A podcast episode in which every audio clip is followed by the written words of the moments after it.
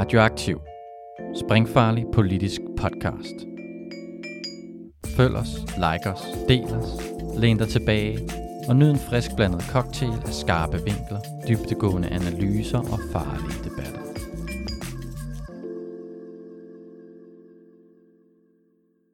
Jeg sidder her i, øh, i Værløse sammen med øh, Jesper Dyrberg, der stiller op til byrådet øh, for SF i Furesø Kommune. Øh, Jesper, kan du prøve lige at fortælle lidt om, øh, hvem du egentlig er, og, og hvad du laver til daglig, for, hvad du skal øh, til, til kommunalvalget? Ja, men øh, jeg hedder som sagt Jesper Dyrberg. Jeg, jeg går i gymnasiet i Ballerup, så det det, jeg laver til daglig. Jeg har været øh, aktiv i SF i øh, små fem år, og nu er jeg så blevet øh, nummer et øh, på listen til, øh, ja, til kommunalvalget her i Furesø. Øh, meldte mig ind, da jeg var 14-19 i dag, så øh, det har været lidt en, øh, en lynkarriere, kan man nærmest godt sige. Det var mit øh, andet møde i øh, SF Furesø, der blev jeg også valgt som øh, formand, og et år senere blev jeg så spidskandidat. Så her er vi nu. Det er gået stærkt. Det er gået stærkt.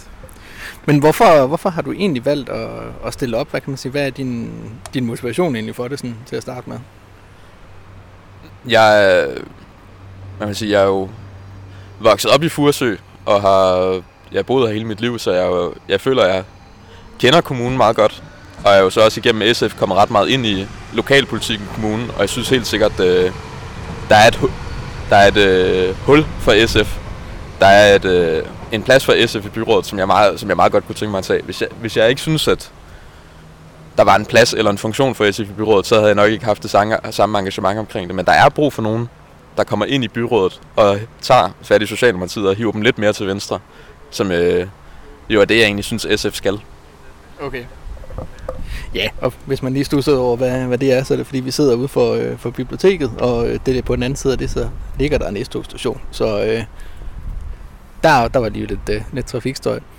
Men øh, Jesper, kan du fortælle, altså Furesø Kommune er måske ikke sådan den kommune, som der er allerflest folk, der kender til.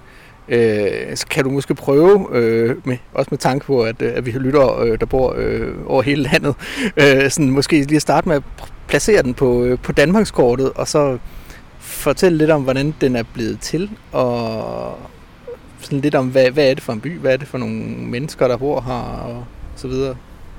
Jo, klart. Altså man kan sige, både på mange måder kulturelt og geografisk, så ligger Furesø et sted mellem Nordsjælland og omegnen. Der er, vi, vi ligger lige over Ballerup og lige under Allerød. Øh, tæt på København, og, men stadigvæk også øh, lidt øh, deroppe af mod Nordsjælland. Vi er en kommune øh, med 40.000 indbyggere. Øh, blev samlagt af Værløse og Farum i sin tid under kommunesammenlægningen. Øhm, og vi er, selvom vi er i forhold til gennemsnitsløn den 9. rigeste kommune i Danmark, så er vi også øh, en kommune, hvor der er stadigvæk en del socialt udsatte og øh, nogle, øh, hvad kan man sige, en, lidt, en demografi, der spænder lidt bredere, end det måske gør i Gentofte. Så det er en, et, altså sådan, gennemsnitligt set, så er det en forholdsvis rig og, og velstående kommune, men der er en enorm stor øh, splittelse. Der er både sådan enklaver af, af det, vi tænker sådan Nordsjælland ved, og, og så noget, der minder mere om, om noget, hvor vi måske mere tænker sådan den københavnske Vestegn. Ja, altså hvis du øh, går en tur rundt om Søndersøen eller rundt om Furesøen, så er du ikke i tvivl om, at øh, det føles som Nordsjælland. Altså der er store, fine huse, folk med store øh, jernporte, de helst lukker for omverdenen osv. Men hvis du går hernede langs øh, Langhuset i Værløse, eller hvis du går i Farm Midtpunkt, øh, så føles det straks anderledes, og så kan man hurtigt mærke, at der også er en anden side til Furesø, en, øh, ja, hvad kan man sige, en rige konservative stemmer.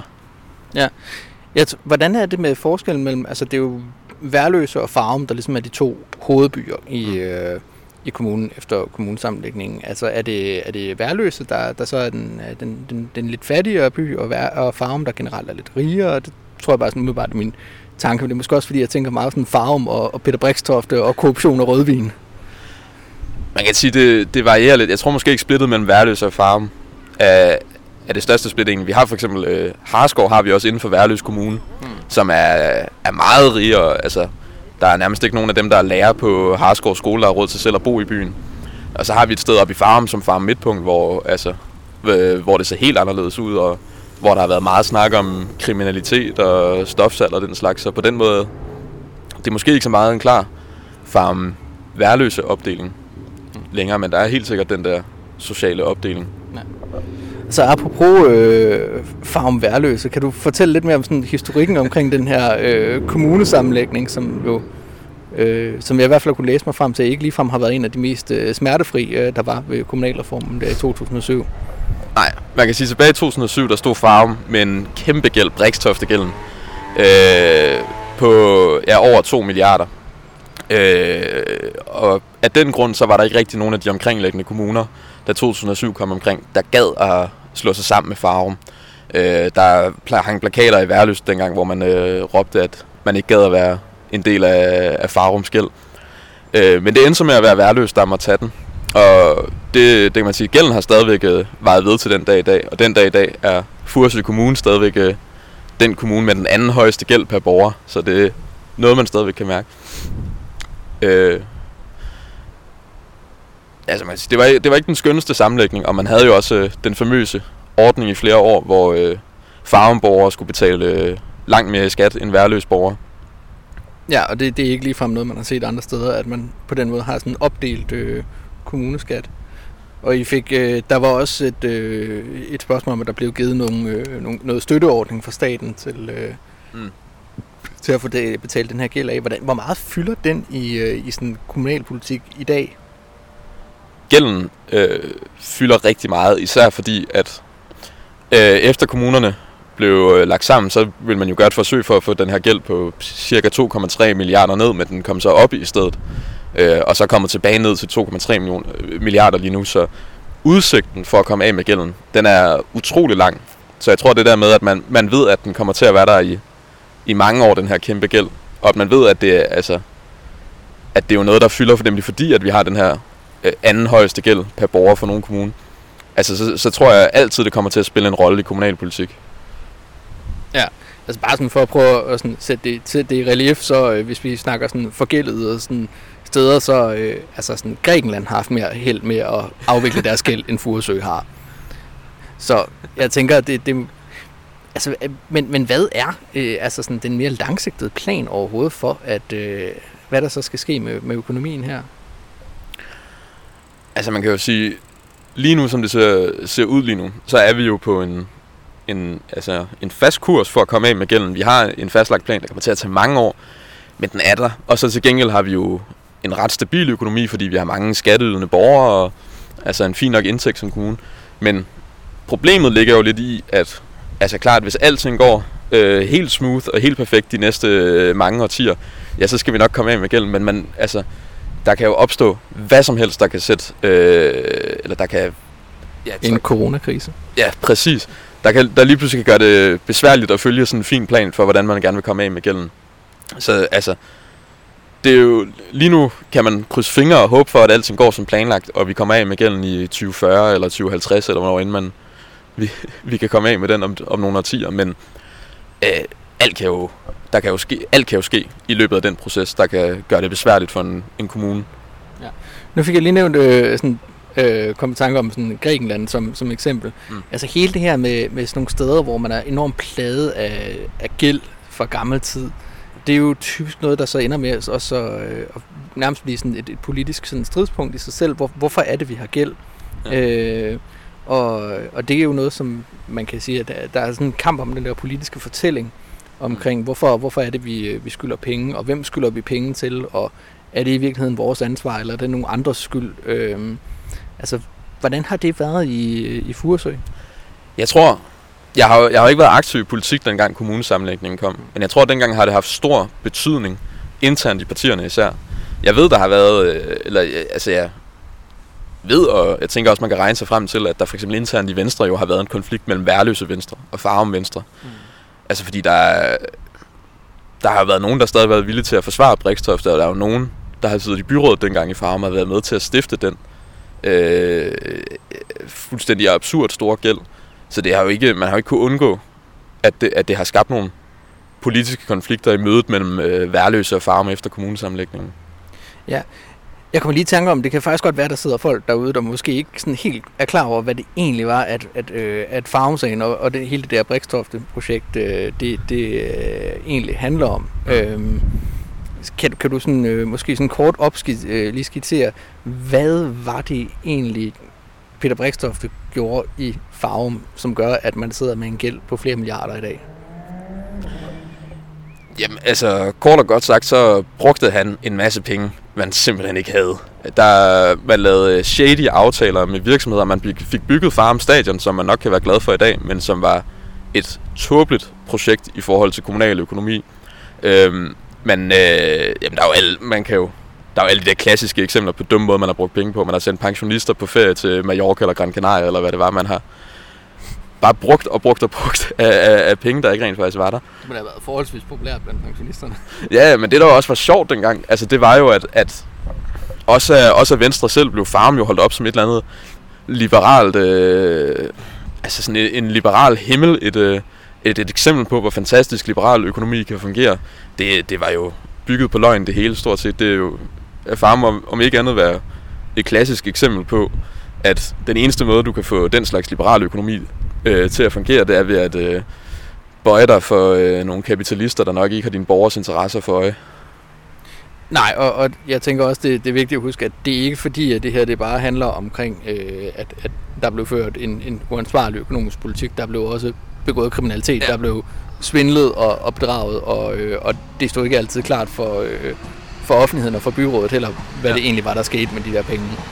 Ja, man kan også sige, altså, dengang i Farm, så var det jo, altså, fordi han blev så voldsomt populært Brikstofte, så øh, bukkede Socialdemokratiet i Farm jo også under for det, så det var faktisk SF, der var hovedoppositionen dengang.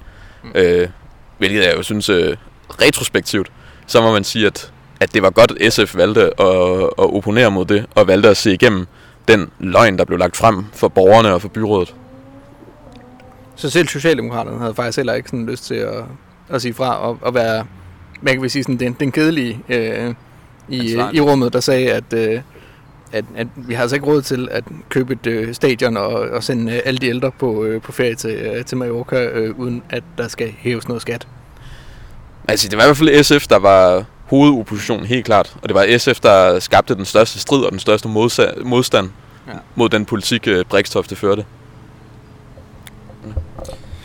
Men øh, for nu at komme, øh, komme videre fra, fra fortiden. Øh, Furesø øh, i dag, altså det, det er et sted, hvor der er noget, øh, noget ulighed, øh, men hvad, altså hvad, de sociale problemer, der er, hvad, hvad består de i? Ja, jeg tror egentlig, at man siger, vi har nogle områder, øh, som Farm Midtpunkt og øh, Langhus og så videre, hvor der, hvor der er nogle sociale problemer, og, og man kan sige, det der er jo det er der jo mange kommuner, der har, hvor man har nogle socialt udsatte, hvor man har nogle arbejdsløse og så videre. Jeg tror egentlig, det der er det største problem i Furesø, det er, at man fra kommunens side, øh, for mig at se, prøver at ignorere de problemer. Prøver at ignorere de her mennesker, prøver at lade som om, at de, de ikke er til. Øh, altså som jeg oplever det i hvert fald. Vi, øh, når vi bygger nyt i Furesø, så bygger vi til øh, øh, ja, rige børnefamilier. Vi vil gerne have mere af det samme, mere af borgere, der kan betale deres skat og øh, har en ordentlig øh, øh, sæk penge i banken osv. Vi, vi gider ikke som kommune tage øh, et socialt ansvar. Vi gider ikke tage ansvar øh, for dem, der ikke passer ind i vores øh, ønske om at være en, en fin, rig Nordsjællands kommune. Hmm. Det lyder som noget, som noget man, man kender, og, og egentlig også en problematik, hvad kan vi sige, mange steder i hovedstadsområdet også, hvor man mm. kan, hvor man lidt, øh, kommunerne lidt man kan vælge at vrage imellem, hvem de ønsker, der skal bosætte sig øh, fordi der, der er masser af folk, der gerne vil bo der. Jamen, det har også været en del af, af, af, af Furesøs planer, at man gerne vil have andelen af socialt udsatte ned. Hmm. Så må man jo selv øh, tolke på, hvad det, det, det står sort på hvidt i kommunens planer, at man gerne vil have andelen af socialt udsatte ned. Så må man selv tolke på, hvad det betyder. Om det betyder, at vi skal løbe folk øh, ud af fattigdom og ud af social udsathed, eller om det betyder, at, de, at vi bare skal have flere rige ind i kommunen og flere fattige ud. Altså, det kan man så selv tolke på. hvad, hvad tænker du, det, det dækker over? Jamen, jeg tænker, det handler om, at man gerne vil skabe et furesø, der er et glansbillede, der er fyldt med de her øh, kernefamilier, der betaler en hel masse i skat, og så vil man egentlig gerne øh, have mindre end dem, der måske har det lidt hårdere i livet, og egentlig gerne øh, skille sig lidt af med dem, ja. Helt klart. Hvad, øh, altså nu, nu snakker vi der om de sociale problemer og, og om gælden. Øh, hvad er der ellers er sådan, hvad kan vi sige, vigtige, altså nu sidder du så som, øh, som, som venstreorienteret og som, øh, som byrådskandidat. Hvad, hvad er der af, af store udfordringer, som, som du ser for, for kommunen, øh, ud over øh, sådan de ting?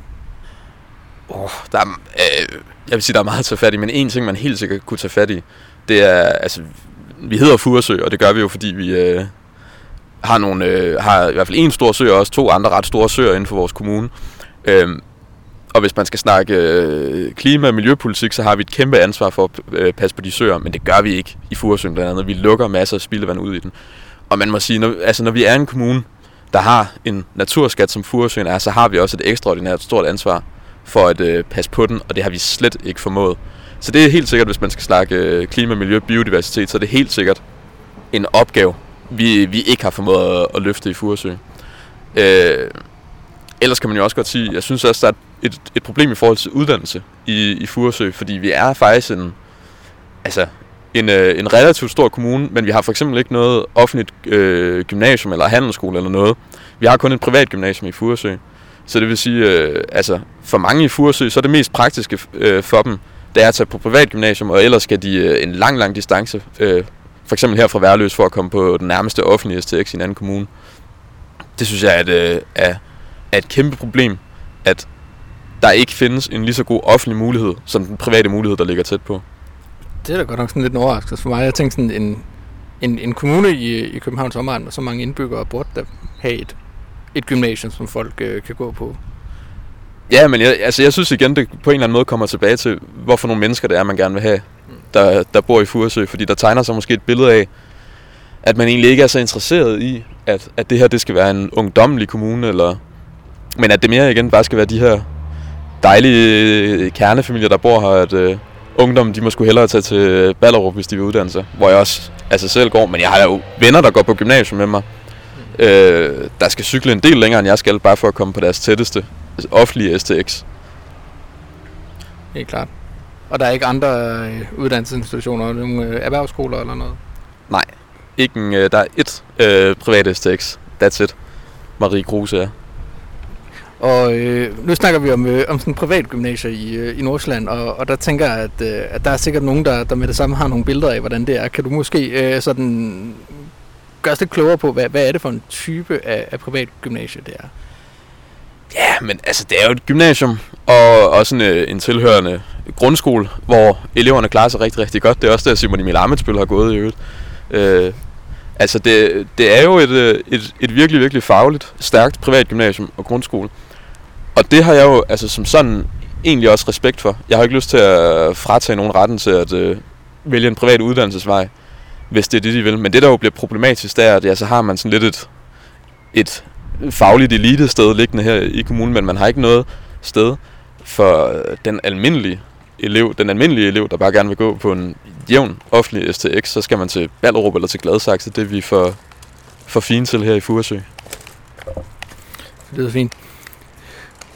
Nu tænker jeg måske at, at gå over til at snakke lidt mere omkring, øh, hvad kan man sige, hvad, hvad, hvad, hvad dine planer øh, er for, øh, for kommunen og SF's planer. Altså, øh, jeg tænker, øh, du er jo, du er jo socialist og, og feminist og, og det hele, og hvordan kommer det til at kunne sådan øh, være noget, man ser i, øh, i de ting, som, øh, som du og SF går til valg på, og øh, den politik, man gerne vil have i, i byrådet? Hmm. Hvis man skal tage det fra en ende af, at øh, jeg er socialist, det tror jeg, jeg gerne vil have, at jeg kommer til udtryk i, at jeg gerne vil styrke øh, den del af befolkningen i Furesø, der ikke er så velstillet, der ikke har alle de økonomiske midler, der ikke har alle øh, de sociale midler, der ikke har alt øh, kapitalen af alt slags. Øh, altså, og det skal vi jo blandt andet gøre ved, altså igennem den her, have, have bedre uddannelsesmuligheder for alle i Furesø. Vi skal gøre det ved at have flere lærlinge til Furesø. Øh, I forhold til økonomisk politik, så vil jeg jo klart sige, at jeg har den grundlæggende holdning, at selvom vi har en stor gæld, så har vi også en rigtig stor kassebeholdning i Furesø.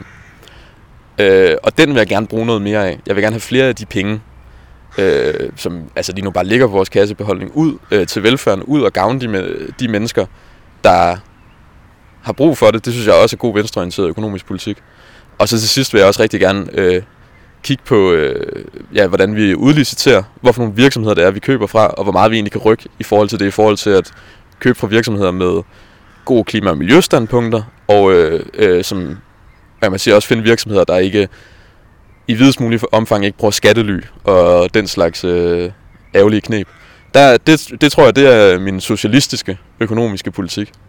Hvis vi øh, lige vender tilbage til, til det feministiske bagefter, øh, så tænker jeg, at øh, alt det her, du nævner, ikke? Altså, sådan, der skal også være en mulighed for at øh, for, få flere øh, muligheder for at gå i uddannelse for folk, der ikke går på privatskole, og der skal også være øh, muligheder for et sted at bo for, for folk, der ikke er fattige, og øh, mm. så videre. Og der skal være noget mere, noget mere velfærd og så videre. Altså, skulle man være lidt faktisk, så lyder det jo som noget, som en, øh, en socialdemokrat du også lige så godt kunne have ment. Altså, øh... Ja. Men øh, det er så der problemet opstår, fordi vi har en masse socialdemokrater i byrådet, men der er ikke tilstrækkeligt nok af dem, der mener det. Så der, der er brug for, altså, jeg er jo ikke socialdemokrat, men der er, altså, når socialdemokraterne ikke er socialdemokrater, så er der jo brug for nogen, der kan fylde den rolle, og der kan sørge for, at der bliver ført en, altså en fornuftig venstreorienteret økonomisk politik, fordi det formår de ikke at gøre selv.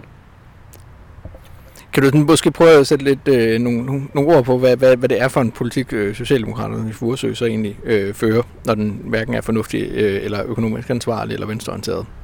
Det er en status quo-politik. Altså, de, de ved godt, at øh, Furesø grundlæggende, altså grundlæggende set demografisk, og også historisk, hvis du kigger på, hvorfor nogle borgmestre Værløse Farm havde, det, en, det burde være en borgerlig kommune, øh, som så bare har fået en, øh, en socialdemokratisk borgmester af historiske årsager. Men de ved, de ved ligesom godt, at hvis de gerne vil beholde deres borgmesterpost, så skal de føre en, øh, ja, en borgerlig politik. Og det er også det, de gør. Altså, de øh, samarbejder mest af alt med konservative og radikale omkring at føre den her, ja, borgerlige økonomiske politik. Der er ikke særlig meget... Altså, selvom jeg er sikker på, at de socialdemokrater er hjertet, så er der ikke særlig meget socialdemokrater, socialdemokratisk i deres politik. Det lyder som socialdemokrater.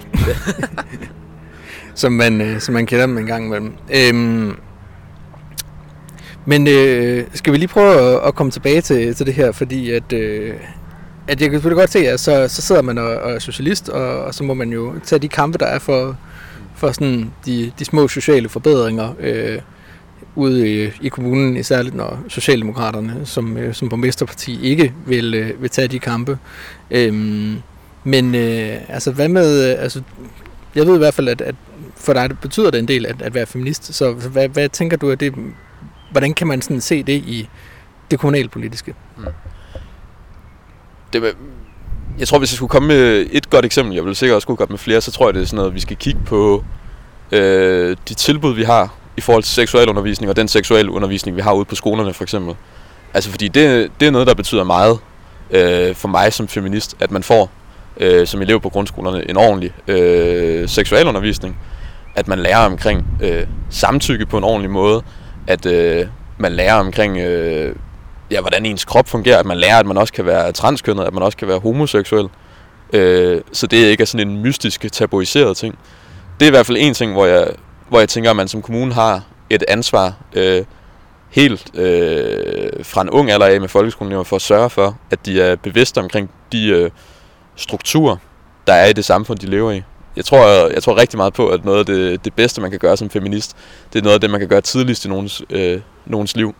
For du kommer ikke... Øh, altså, gamle sure mænd bliver nok aldrig feminister, men øh, unge mennesker, der stadigvæk har en, øh, et helt liv foran sig, dem, der kan du godt få dem til at se de strukturer, som måske er lidt svære at se for en ældre generation. Så det er ligesom en, øh, en mulighed for, at, at, at selvom sådan kommunen er sådan lidt, øh, lidt sådan fæsende og kedelige ting, særligt sådan en kommuneskole, så er det faktisk en mulighed for at, at rykke med nogle sådan grundlæggende normer i, øh, i, øh, i børns opvækst og opdragelse. Ja, for vi skal have en altså, enorm kritisk seksualundervisning. Der er ikke bare... Altså, vi skal jo ikke gå rundt og tro, at den måde, vi nødvendigvis snakker på om, om for eksempel sex og seksualitet i samfundet, at de normer, vi har omkring det, bare er de rigtige, og det er bare dem, vi skal viderefortælle. Det er, det er egentlig meget godt at have en undervisning, Øh, hvor ligesom man stiller sig kritisk over for alt muligt andet i, i samfundet i undervisning, heller, så skal man også i seksualundervisning stille sig kritisk over for de normer, vi har der. Helt klart.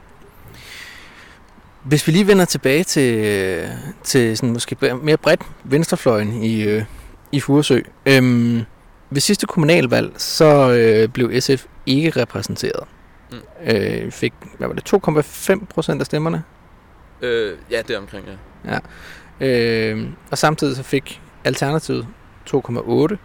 Enhedslisten fik, hvad har det været, sådan noget, 4-5 stykker eller et eller andet? Ja, omkring et mandat. Ja, ja men de, de har i hvert fald fået et mandat, ja. ja. Øhm, hvorfor er det, at, øh, at SF har fået et så dårligt resultat her i forhold til de andre sådan, partier, som ligesom kan sige sig at være venstrefløj på en eller anden måde? Altså normalt er det jo, lige så snart man kommer, kommer uden for, for sådan Københavns by, så plejer det jo at være sådan SF, der er, ligesom er, er større end, end enhedslisten, og, øh, og i høj grad større end Alternativet. Mm. Øhm, så hvad, hvad, hvad pokker er det lige, der er sket der? Mm. Hvor er det, I har fejlet? Jamen, så tror jeg, vi skal snakke om, hvad... Altså, det var i 2013, vi røg ud, og så kom vi heller ikke ind i 2017. Og så tror jeg, vi skal snakke om, hvad, altså, hvad SF gjorde i det år. Og der vil jeg så lige indsige det, fordi altså, så må jeg jo sige, at jeg er uenig med, hvad den tidligere SF Furesø-ledelse har gjort. Men inden ved det, vil jeg gerne sige, at den forrige formand før mig, øh, Bo Finsen, øh, er, er en mand, jeg har øh, umådelig meget respekt for. Der har været en god SF'er i mange år.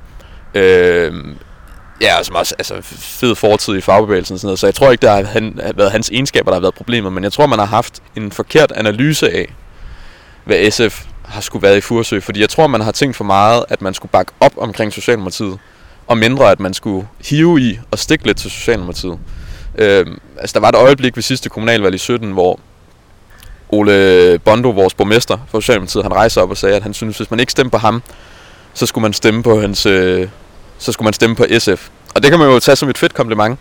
Men det er måske også lidt en del af problemet, fordi vi skal jo ikke være et øh, Socialdemokratiet light. Vi skal jo være nogen, der kommer ind og hiver i dem og stikker lidt til dem og presser dem i den rigtige retning. Øh, det er jo blandt andet også derfor, øh, at vi har valgt at gå i valgforbund med Alternativet Enhedslisten den her gang, frem for Socialdemokratiet, fordi vi er også blevet nødt til at tage et internt opgør og sige, jamen altså hvis vi går i valgforbund med Socialdemokratiet igen, så kan det være, at vi, øh, de er et mandat for at have flertallet i byrådet alene. Hvis vi går i valgforbund med dem, med dem igen, så kan det være, at vi giver dem de stemmer, de har brug for at få flertal alene i byrådet. Og så må vi jo bare kigge hinanden i øjnene og sige, det er jo ikke det, vi skal som SF'er. Vi skal jo prøve at gøre det lidt sværere for Socialdemokratiet at få det flertal, at gøre sådan, at de skal presses lidt mere og komme lidt mere til venstre, hvis de gerne vil have det flertal. Det skal ikke være os, der giver dem øh, flertallet på et sølv, eller øh, det enpartis flertal på et sølvfad. Så jeg, jeg tror, der har manglet i 2013 og 2017 en, en bevidsthed om, hvad det egentlig var, SF's funktion skulle være. Om vi skulle være øh, nogen, der støttede op og bakkede op om Socialdemokratiet, eller om vi skulle være nogen, der gik til dem og var kritiske over for dem, og gerne ville rykke til den politik, der er i kommunen. Men jeg tænker, at den tidligere strategi har måske også været lidt informeret af det her med, at som du siger, at det er nogle, lidt en historisk tilfældighed, der gør, at man overhovedet har en socialdemokratisk mm. regering. Øh, øh, øh, øh, socialdemokratisk borgmester i, øh, i Furesø, ikke? fordi at når man kigger på det, så, så burde det jo, øh, altså sådan, hvis man sidder sådan og kigger på, øh, på, hvad er det for nogle typer mennesker, der bor her, og hvordan er indkomst og uddannelse og øh, urbanisering og alle sådan nogle ting, så tænker man, det lugter rigtig langt. Vi kan have en borgerlig borgmester. Mm. Men i stedet for har man en meget stærk socialdemokrati og, og der er måske et ønske om at prøve at beskytte det, og det, det vil, altså, i forhold til de historiske omstændigheder, så er det rigtig meget farmsagen, der har gjort, at, at Venstre er blevet sådan miskrediteret øh, ja. som, øh, som sådan magtparti i, ja. i Furesø Kommune. Ja, både det og så også, øh, altså, at man har haft to partier på den borgerlige fløj, der har kæmpet meget øh, indbyrdes omkring hvem der var det oplagte borgmesterparti, og er kommet lidt til at rive hovedet af hinanden, så der har Socialdemokratiet op fremstået mere stabil. Og det er jo også det i Furesø, at Socialdemokratiet rigtig meget tilbyder, og det er jo også derfor, det er klart, at de er så populære. De tilbyder stabilitet, status quo, øh, ro på. Øh, ikke, ikke, ikke øh, i SF-tankegangen, men øh, en, øh, ja, en mere Furesø-ro på.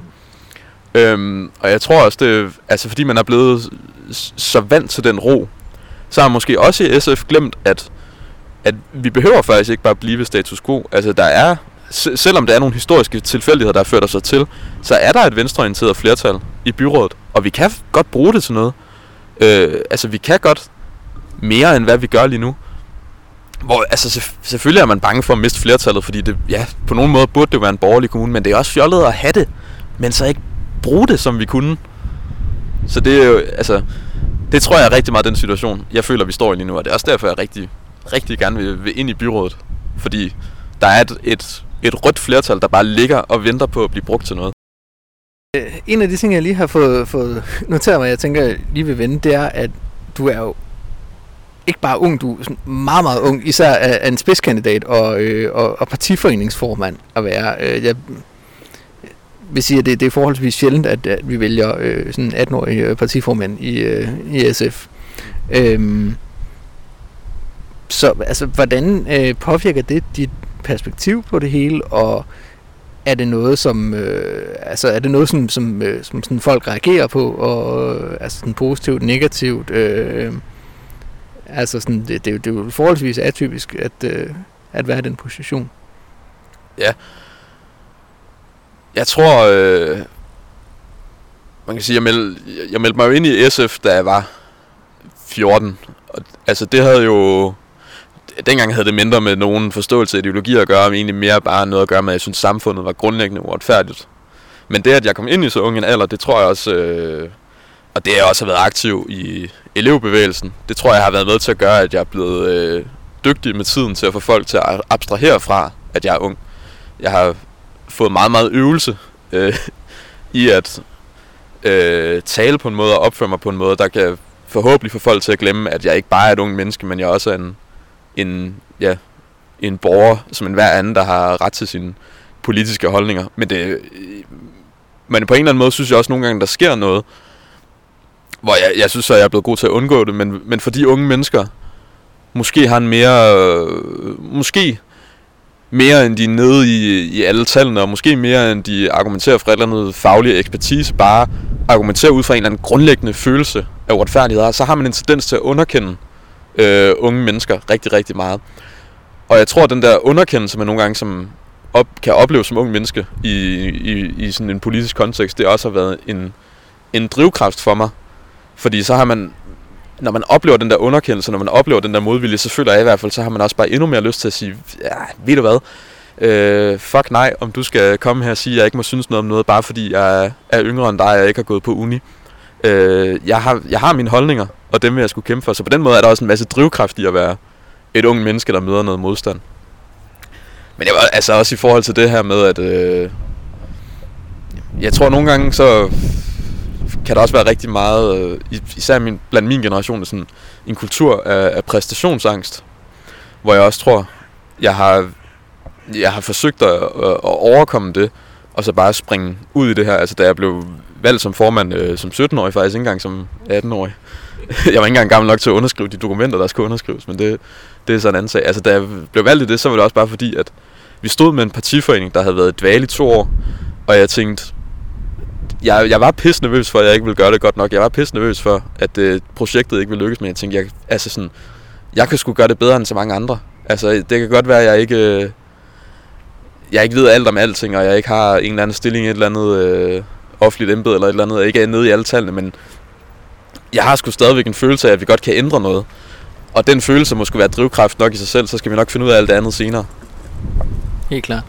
Altså nu nævner du meget det her med at, øh, at prøve at, øh, hvad kan vi sige, at, at gøre dig øh, sådan øh, ikke ung øh, over for folk. Øh, og du sidder også her øh, sådan pænt i, øh, i nystrået skjorte og, og med skæg, og, øh, og, og, og jeg tænker altså bare sådan, det, det er jo ikke fordi, der er noget galt i det, øh, men, men, men mere at er der ikke et, et spørgsmål om, at det også begynder at blive problematisk på et eller andet tidspunkt, at, øh, at unge mennesker, sådan, som, øh, som vil være en del af, af, af det politiske, og som siger, at vores øh, stemme er også sådan gyldige, vores holdninger er også vigtige, øh, bliver nødt til at opføre sig som, som noget, de måske ikke sådan helt naturligt er. Altså bliver nødt til at gøre sig mere voksne. Altså jeg tænker sådan lidt analog til den her diskussion, man nogle gange har med sådan kvindelige politikere, der bliver nødt til at, at sådan opføre sig meget maskulin for at, øh, for at blive taget øh, seriøst. Øh, er det så ikke et problem, hvis, hvis unge mennesker skal, øh, skal opføre sig som på nogen på, øh, på 45 for, øh, for at blive taget alvorligt?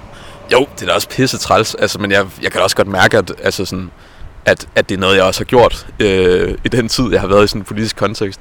Altså, jeg for nylig sendte jeg også et, læse, et udkast til et læserbrev, jeg har skrevet til min øh, kasserer Jan, øh, som er noget så dejligt. Og så, altså, det handlede om, om unge mennesker, om ungdomspolitik og om erhvervsuddannelser.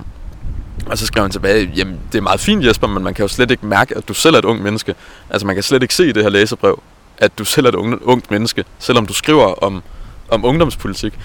Og der, der tror jeg også godt, at jeg kunne mærke, at ja, jeg har gjort rigtig meget, også underbevidst for at, for at altså, jeg prøver at lade som om, eller hvad man skal sige, at jeg er et, et fuldvoksen menneske.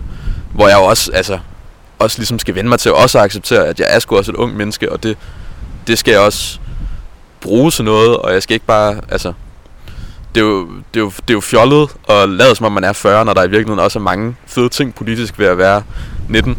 Men mød mig på en fredag på Toga, så er du heller ikke i tvivl, om jeg er et ung menneske. Ej, jeg vil sige, Toga på en fredag, det er jo også et sted, hvor at, øh, politisk aktive mennesker på 45 også godt kan finde på at dukke op. Lad os se, hvad vi har tilbage her. Mm-hmm. Da, da, da, da, da, da, Og... Ja. Yeah.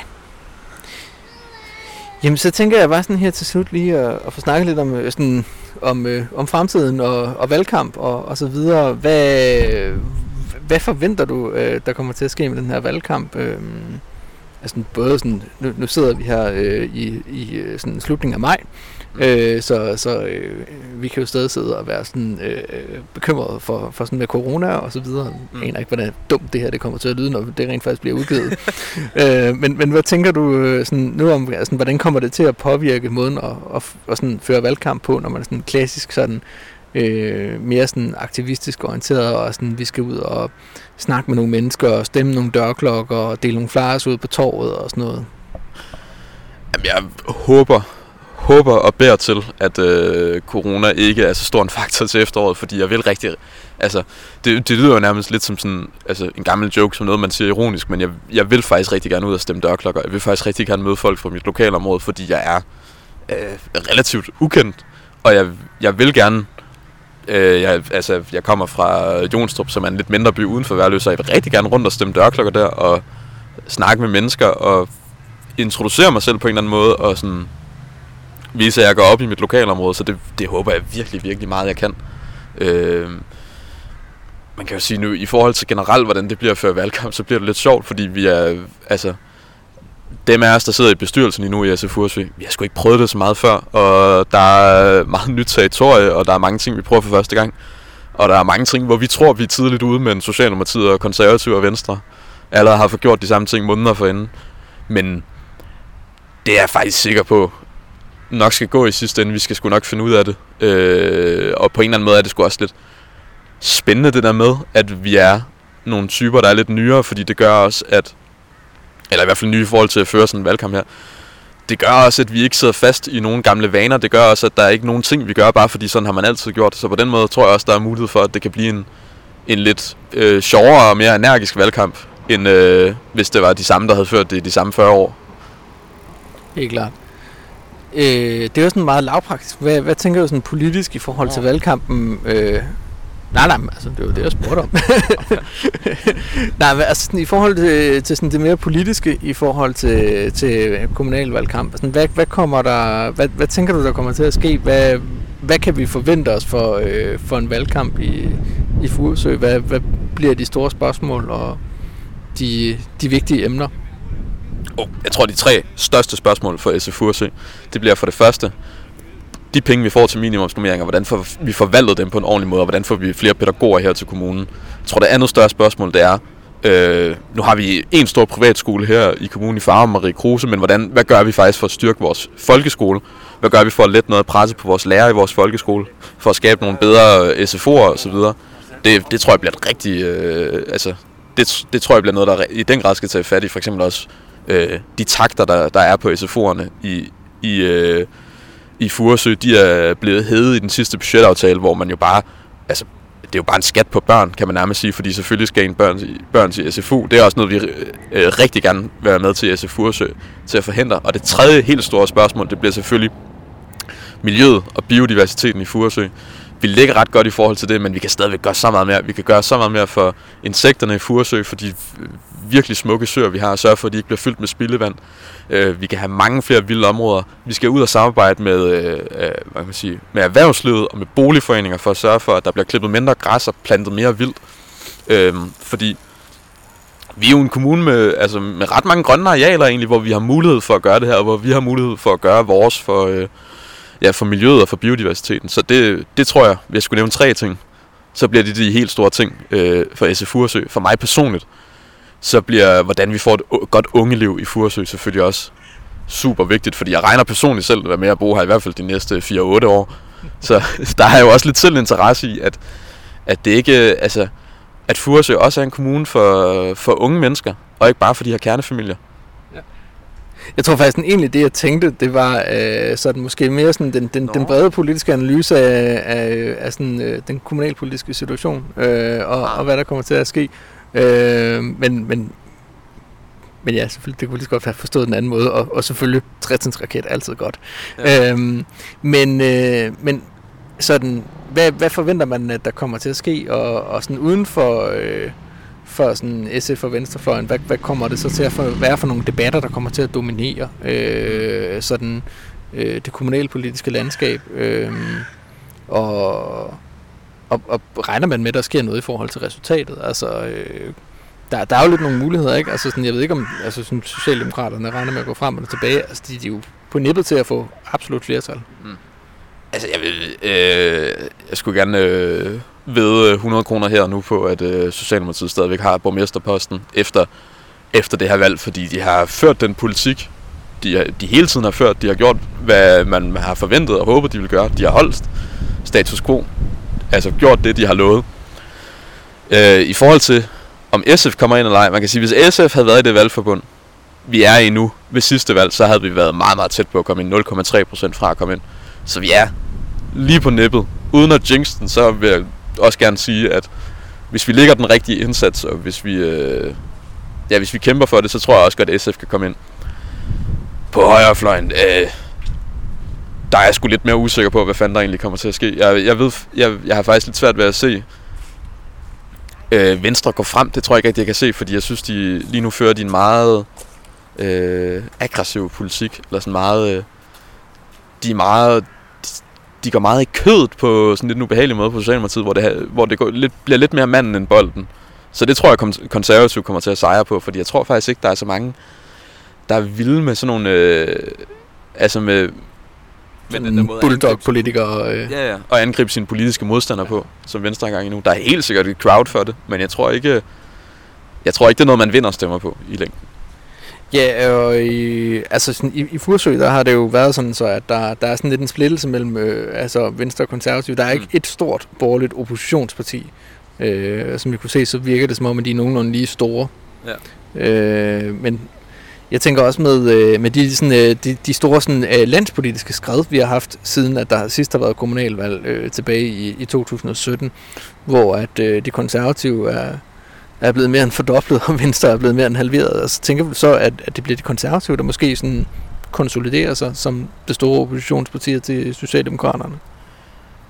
Jeg, jeg synes faktisk ikke, det er utænkeligt, altså både fordi du har øh, det nationale politiske perspektiv øh, på den ene hånd, og så på den anden side, så synes jeg også, der er noget over konservative Furesø, hvor de faktisk har haft en, en masse rigtig øh, dygtige politikere. De har haft øh, Cecilia, der var næstformand for KU, inden og sidde i en periode, som, øh, ja, rigtig, øh, rigtig dygtig egentlig. De er Egil er, er skide, skide dygtig, og deres formand Lars er, er også en, øh, en meget øh, veltalende mand. Meget, øh, der er faktisk lidt Søren Pape over ham i Furesø Edition. Så jeg, jeg tror faktisk, konservative har rigtig gode chancer i Furesø. Ja. Og hvad med dig selv? Hvad forventer du at blive, blive valgt?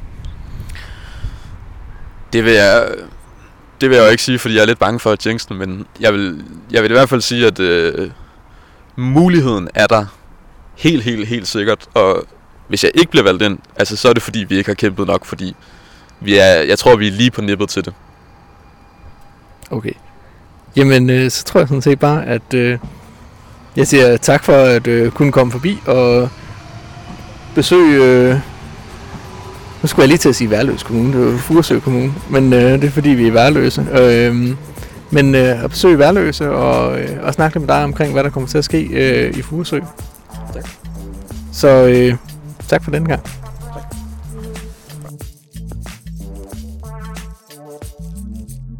Oh ja. Inden du smutter, husk nu lige at følge Radioaktiv. Vi er på Facebook, Twitter, på SoundCloud eller i din podcast-app. En række af vores podcasts udkommer også som video på YouTube. Du må også gerne dele os med dine venner. Hvis du er ellevild, så kan du gå ind på solidaritet.dk og blive medlem af vores medie.